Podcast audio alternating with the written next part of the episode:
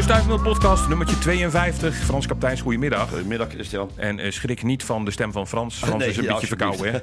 Hè? dus eh, die heeft een beetje te veel in het water gestaan de afgelopen dagen. En te veel in de regen gelopen. Ja, daar krijg je Ja, dat van. dan dan, krijgen we dat weer. Eh, en de wind die stevig was, dus dat telt ook nog allemaal mee. Ja, nou, je- je bent nog te verstaan Dus volgens ben mij. nog gelukkig, gelukkig. en anders gelukkig, roep ik het wel en dan neem ik het gewoon over. Ja, Dus, precies. intussen jij, het gewoon. Jij het gewoon. Ja. In de, in, dit zo weet ik bijna net zoveel als jij. Ik heb al zoveel naar je geluisterd. Dadelijk gaan we het over de vlindertjes hebben. Want een boel mensen willen weten waar zijn ze nou toch gebleven. ja, precies. En daarover word je dadelijk helemaal bijgepraat. Want Ja. dat gaat Frans zo vertellen. Maar eerst gaan we het over een fenomeen hebben waar jij je zorgen over Ja, maakt. ik maak heel erg veel zorgen. En dat noem ik al de verhekking van Nederland. De verhekking. De verhekking. Eh, overal als ik naar het buitengebied eh, loop of eh, fiets of met de auto rijden, zie je steeds meer hele grote hekken verschijnen. Ja. En nou, ik snap het wel een beetje. Mensen willen een stukje veiligheid. Maar als dat in het buitengebied gebeurt, dan sluiten ze ook hele stroken af, waardoor de dieren niet meer kunnen ja, passeren. Want heel veel tuinen en, en parken en zo, die, die zijn om ook voor dieren te kunnen passeren. Ja. En een van de grootste ja, verhekker is de ProRail. Ja. En die hebben dat gedaan vanwege het feit dat mensen langs de, lijn, de spoorlijn liepen. Wat natuurlijk levensgevaarlijk is. En elke machinist die zich eh, echt wezenloos. Ja, precies. Dus dat het is is ook wel- eigenlijk het is ja, begrijpelijk. Zo dom van die mensen. Ja. Maar goed, dus daarom hebben ze het afgesloten. Maar dat betekent dus, als je bijvoorbeeld eh, bij ons op de Campina, als je dan eh, richting Haren kijkt, eh er zaten vroeger ook reeën op de Belgische Akkersweet, dat gebiedje nou eenmaal. Ja. En die gingen daar eten en dan kwamen ze via de spoorrails, liepen ze Campina in om daar dekking te zoeken, te slapen en zeg maar welpjes te, of eh, jonge reetjes te werpen. Ja. Dat kunnen ze niet meer. En dat is natuurlijk vreselijk, want die dieren die kunnen, eh, ja, die kunnen bij zo'n spoorwegovergang kunnen ze proberen over te steken, maar dat doen ze is liever ook zo niet, hè? Ja, precies, er rijden altijd auto's en noem maar op. En als ze een beetje opgelet hadden, eh, zeg maar, ProRail, Ja. Dan hadden ze heel makkelijk kleine openingetjes kunnen laten, waar dus mensen niet doorheen kunnen, maar dieren wel. Hè, kijk maar naar Dassentunnels. Kijk maar naar, eh, als je hier in de buurt bij het Groene Woud... er staat ook hekken om eh, het, het stuk heen waar dus de edelherten zitten. En dan loop je langs hekken, zie je in één keer een poortje. Eh dat is zo smal kan een mens die een- niet eens door. Nou, maar een ree wel. Want die kruipt helemaal plat op de grond en dan gaat hij door. Als ze dat nou hadden gedaan, dan hadden die dieren zeg maar, dat stukje natuur ook kunnen hebben. Want Ja. vergeet niet, dieren houden niet van grenzen. Die, die maakt niet Nee. uit, ze proberen overal te komen. Kijk, ze kennen gevaar. Een, een, een ree zal nooit de weg opschieten als hij niet ergens bang voor is. Kijk, reeën zijn echte vluchtdieren. Als er te veel loslopende honden zijn, dan, dan vlucht hij weg en dan wordt hij helemaal blind van angst. En dan kan hij wel eens een keer de weg opschieten. Maar als hij, zeg maar, in normale omstandigheden dat blijven ze gewoon meestal eh, in, binnen hun gebied. En als ze oversteken, doen ze op een bepaald moment dat er niet te veel verkeer is. Dus daar hebben ze toch al door. Dus die komen nooit onder de trein. Nee, die komen nooit onder de trein. Op, op zich niet. Kijk, het is natuurlijk altijd wel eens een keer gebeurd. Er is natuurlijk altijd een keer ook een auto die een keer tegen een ree oprijdt... op het moment dat er toch totaal geen honden zijn. Maar over het algemeen kennen die beesten zeg maar de weg. Je kunt ook mooi zien, een hele oude film, Waterschapsheuvel. Ja. Een prachtig mooie film met die konijntjes. Denk Art Garfunkel, hè? Precies, maar, die film, als je die konijntjes ziet, die stoppen voor een snelweg. Want dat is dan ilil, oftewel gevaar. Ja. Dus die beesten hebben daar gewoon door. En dat heeft die filmmaker ook heel mooi uitgeduid, dat dat ook zo is. Dus ehm, nou ja, dat betekent dus inderdaad dat die hekken nu een verschrikkelijke situatie zijn. En eigenlijk ja, is er al eentje als eerste mee begonnen. Dat was de beroemde baron van de Hoge Veluwe. Die heeft heel het National Park heeft hij afgesloten. Nou, ik noem dat geen National Park meer, de Hoge Veluwe, want het is gewoon een postzegeltje in een mooie ruimte waar geen enkel dier meer door kan. Hij zegt het voor, dat voor de wolf is, maar in zijn verklaring heeft hij ook gezegd dat het ook is om de edelherten tegen te houden van de Veluwe. En dan denk je, ja, de Veluwe heeft edelherten en die mogen daar niet binnen. En hij koopt zelf al elke keer moeflons, wat dus absoluut een, een, ja, een wild schaap is, wat hier helemaal niet thuis hoort. Eh, en waarom koopt hij die voor? Om te jagen. Dan denk je, hè? Maar een gewoon edelherten kan er niet meer door. Een vos kan niet meer binnen. Een, een eekhoorn kan natuurlijk nog wel binnen, maar dat is ook de enige die dan eh, over het hek heen kan klimmen. Ja. En de rest niet. Dus al die hekken, die leveren heel veel problemen voor heel veel dieren. Kijk, insecten is natuurlijk geen probleem, maar onze zoogdieren... En vogeltjes komen er ook wel overheen. Vogeltjes komen er ook wel overheen. Maar ja, als daar eh, weinig te eten is, bijvoorbeeld eh, voor een havik of voor een buizerd, omdat daar geen eh, zeg maar klein wild meer is als konijnen of iets dergelijks, ja, dan gaan ze er ook niet meer naartoe op een gegeven moment. Hè, want dan zien ze dat daar geen voedsel voor hun is. Maar goed, een roodborst die zal natuurlijk al overheen vliegen en ook landen daar. Maar al die hekken, ik hoop dat Nederland en de, de- vooral de mensen die die hekken zetten, dat die eens gaan nadenken over wat ze doen ten opzichte van de biodiversiteit. Want die biodiversiteit die valt daar heel erg terug uit. Door. En laten we zeggen, de eerste die we moeten aanspreken, dat zei je al, dat is ProRail. Want ProRail, het gebeurt ja. heel veel bij, bij spoorwegovergangen. Ja, maar particulieren, kilometer. zoals die meneer op de Veluwe, die, doet dat, die doen dat dus ook. Ja. Even richting een oplossing, want je hebt veel invloed. Want je hebt er ook voor gezorgd dat die mooie boom in Oosterwijk de boom van het jaar is geworden. want we gaan, want nu, nu moeten we ProRail even aanspreken natuurlijk, hè? Nou, dat, zou- dat zou ik misschien wel kunnen gaan doen. Ik, misschien Zullen we dat gewoon bij eerst deze eens- gewoon doen? Ja, Dit- nou, dit is een oké. eerste ik ga, aanzet. ik ga de mensen van ProRail bellen.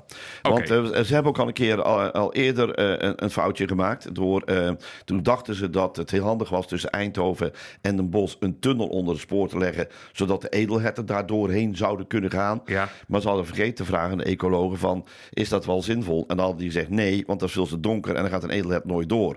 En later hebben ze dus een natuurbrug aangelegd. Als ze meteen die natuurbrug aan hadden gelegd, dan hadden ze ook minder kosten gehad. Nou, dat En over de prijzen van de reizigers niet omhoog te gaan, wat weer is zo. Want ze hebben echt een tunnel gemaakt en niet eerst van tevoren even Nee. uitgezocht of dat Nee. wel zin had. Nee, precies. Ik zal het woord ja, dom daar niet in de hebben mond andere willen dieren nemen, maar- doorgetrokken, maar edelherten zullen daar Oké. nooit doorheen gaan. Oké, maar even, want daar zit ik wel aan te denken. Als je nou zo- dus zo'n zo'n smal, klein openingetje Ja. maakt waar dan een reed doorheen kan, Ja. weet zo'n reed dan ook aan de overkant, want dan moet je er dus nog één maken. Ja, precies. Ja, tuurlijk. Weet hij die dan zo te vinden?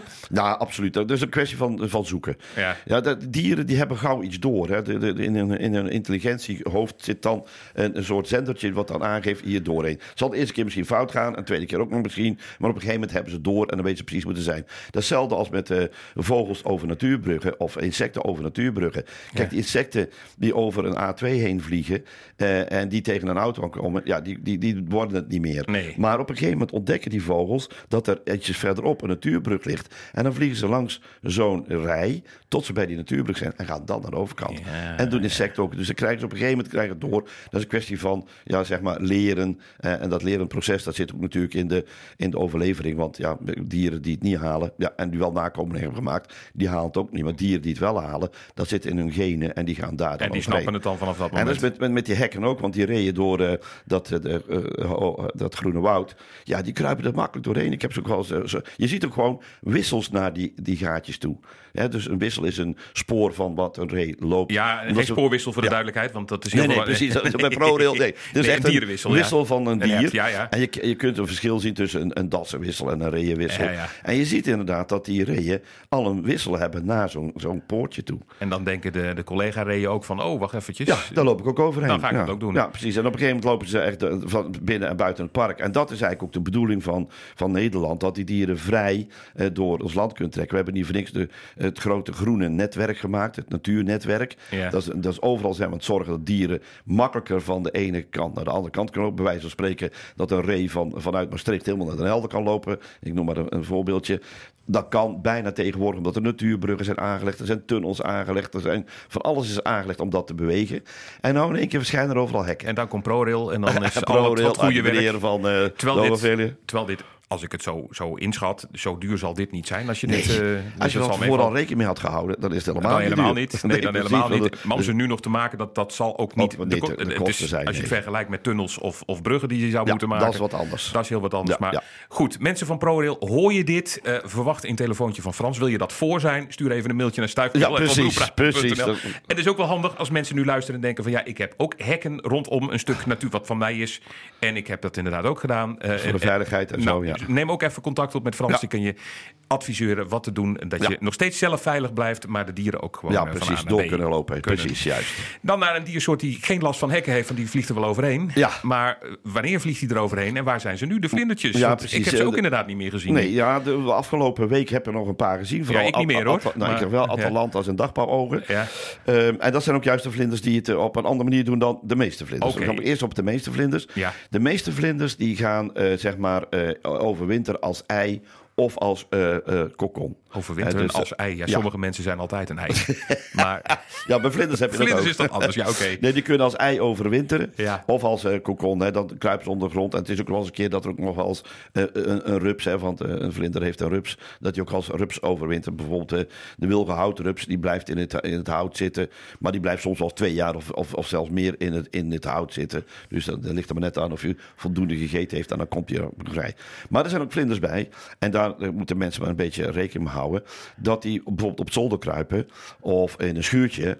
En dan gaan ze dus zeg maar heel hun ja, zeg maar levensactiviteiten zoals spijsvertering en ook ademhaling. Die gaan ze, hè, want dat doen ze door br- bronchiën, die gaan ze op een heel laag pitje zetten. En dat betekent dus dat eh, ze eh, in, in ons land kunnen overwinteren. En dat doen ze, dat doen er steeds meer. Eerst had je alleen maar eh, de kleine vos en, en, en de dagbouwogen, de Galgo Aurelia. Ja. En nu zie je ook dat zo'n eh, eh, Atalanta ook overwintert in, eh, in schuurtjes en in, in, in hokjes en gaatjes. Alleen moet het niet te warm zijn. Dus stel dat je nu een vlinder hebt die op zolder gaat zitten en je gaat de zolderruimte ook verwarmen omdat je daar wilt werken.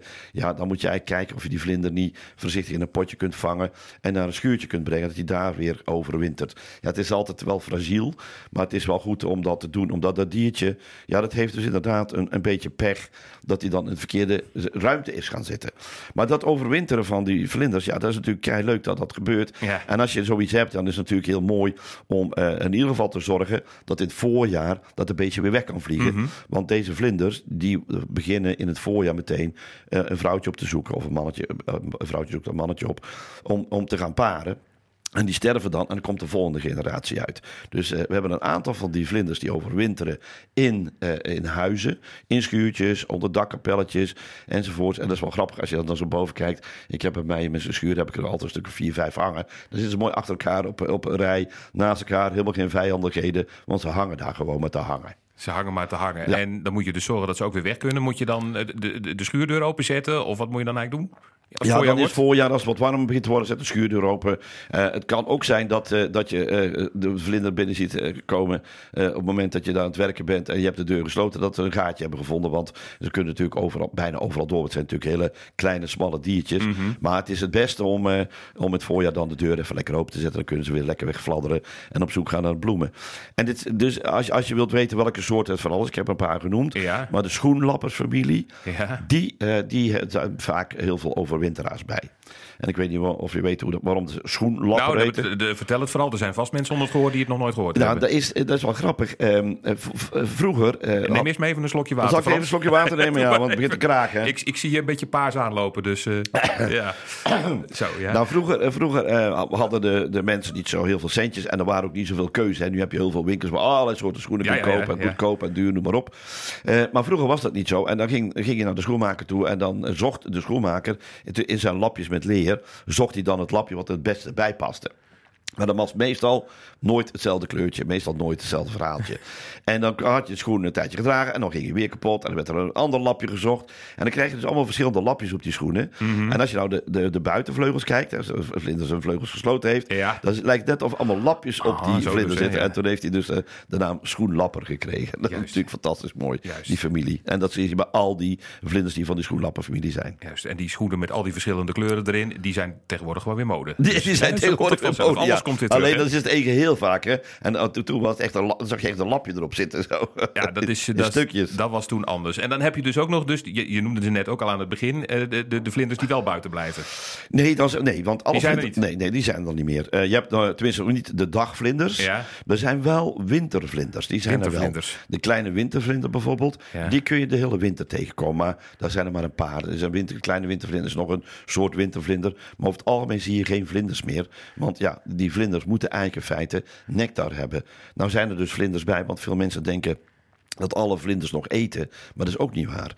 Want heel veel vlinders zijn eh, ja, eigenlijk mooi verpakte spermadoosjes en mooi verpakte eidoosjes. Ja. En verder hebben ze niks. Die hoeven ook niet te eten. Dus je ziet af en toe vlinders eh, op, de, op de nectar zitten. Maar dat zijn vaak de grotere. Maar de kleinere vlinders, ja, die eten niet eens meer. Die worden eh, geboren uit een kokon. Dan gaan ze vliegen en zoeken een vrouwtje op. En ja, vlak daarna sterven ze al. Zonder dat ze een, een, een, iets een nectar hebben binnengezogen. Juist. Nou, eh, heb je ook vragen of suggesties voor onderwerpen? Dan kun je ons altijd bereiken via stuifmail.omroepbrabant.nl. En mail schrijven dan op zijn Engels, hè, met een A en een i'tje. Ja, precies. Stuifmail.omroepbrabant.nl. Al je vragen en opmerkingen kunnen daar naartoe. En eh, wat ook wel leuk is om even weer te vertellen. eh, we doen ook regelmatig een wandeling. Dat Ja. heet dan een potwalk. Ja. Potwalks met Frans Kapteins. Je kunt er een heleboel terugvinden. We hebben er vorige week weer eentje online gezet. Er was een wandeling wel van een jaar geleden inmiddels alweer. In de ja, regen. Ja, ja, precies. Ja. Dat was in, in Oosterwijk, in het Ja. bosgebied. Ja. We zijn onlangs ook weer op pad geweest. En toen zijn we in het gebied van Nemelaar geweest. Ja. Haren, dubbel A. ja. En eh, die komt volgende week online. Oh, wat leuk. Ja, ja Dus, dat is eh, echt een mooie. Dus eh, als je nou ja, een, een leuke plek even wil gaan wandelen. sowieso kun je dus kijken waar wij al een keer geweest zijn. Kun je ons even in de oortjes doen. En dan gaan wij, althans vooral jij, vertellen wat, wat je allemaal tegenkomt onderweg. Tot de volgende maar Tot de weer. volgende weer.